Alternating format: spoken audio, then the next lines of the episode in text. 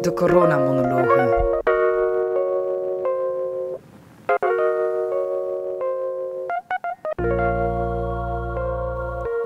Monoloog 2.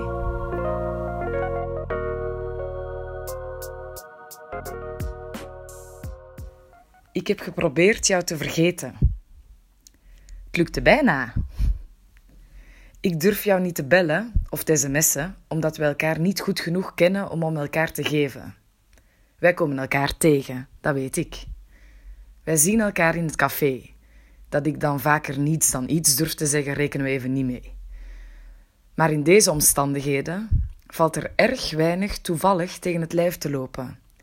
Toeval lijkt verdwenen. En jij bent nog meer dan eerst een totale vreemde. Nog meer dan eerder vraag ik mij af hoe jij de dagen doorbrengt. Staar jij naar de balken van je zolderkamer?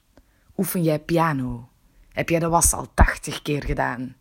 Ligt alles weer netjes op stapels zoals je het het liefste hebt? Is de orde in je huis nog steeds asynchroon met je hoofd, waar alles zich lijkt op te stapelen, in te storten als een grote Jenga-toren? Ik probeer een beeld te schetsen en zie daarbij steeds je lachende gezicht van heel, heel dichtbij voor mij, zingend in het licht. Of nee, zingend in je bed. Ja, zingend in je bed. En hoe ik dacht, kon ik maar achter die ogen, achter die lach, kon ik mijzelf maar binnenste buiten keren en dat jij dan alles zag. Ook al maakt dat jou bang. Daarover gesproken, nu wij echt in collectieve angst leven, kan ik jou eindelijk zeggen dat ik vind dat jij minder bang moet zijn. Ik bedoel, voor de dingen die eng zijn, omdat het van binnenuit iets verandert. Ik bedoel, de angst voor dingen die ervoor zorgen dat je het leven in wordt gezogen en niet zo van de zijkant de boel staat te overdenken. Stop met bang zijn. Keer jezelf eens binnenste buiten. Schud jezelf leeg als een tas na een lange vakantie. Laat mij jou verfrommelde ticketjes zien, eenzame oordoppen, wisselgeld. Laat mij eindelijk jouw kapotte balpennen zien. Want ik probeerde jou te bekijken, of nee, ik heb jou bekeken, graag bekeken. En toen ik meer wilde weten, bleven er steeds nieuwe vraagtekens oppoppen. Ik weet dat jij nu niet spelen kan, maar wat doe jij dan? En ben jij nog steeds zo bang? Ik denk vaak aan hoe jij met trillende handen, uit angst je vingers te branden, een bord eten uit de magnetron haalde, wat na de eerste hap volledig koud bleek te zijn. En hoe je daarna, toen wij zoenden, zei: Denk jij dat dit kan zonder verliefd te worden? Ik dacht: Is dit een vraag of een hypothese? Maar ik zei niets en kuste je nog eens. Achteraf weet ik dat het je ging om die vingers, die wilde je niet branden.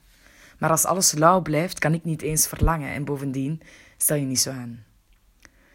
Het is dat ik hier alsmaar in deze eenzame kamer mij af zit te vragen of iemand mij binnenkort nog eens zal aanraken. Maar anders had ik me dit heus niet allemaal afgevraagd. Ik bedoel, ik wil gewoon weten hoe je het maakt, hoe het met je gaat.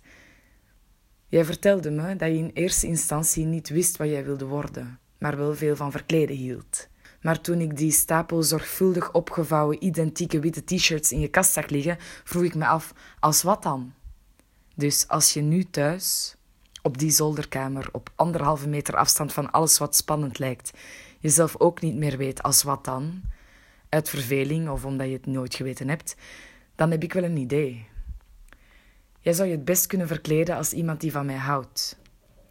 Hoe dat eruit ziet, moet je zelf weten. En dan na al deze maanden staan wij weer in het café en zie ik jou. En dat ik dan zeg: Kijk, wat grappig. Daar staat iemand die eruit ziet als iemand die van mij houdt.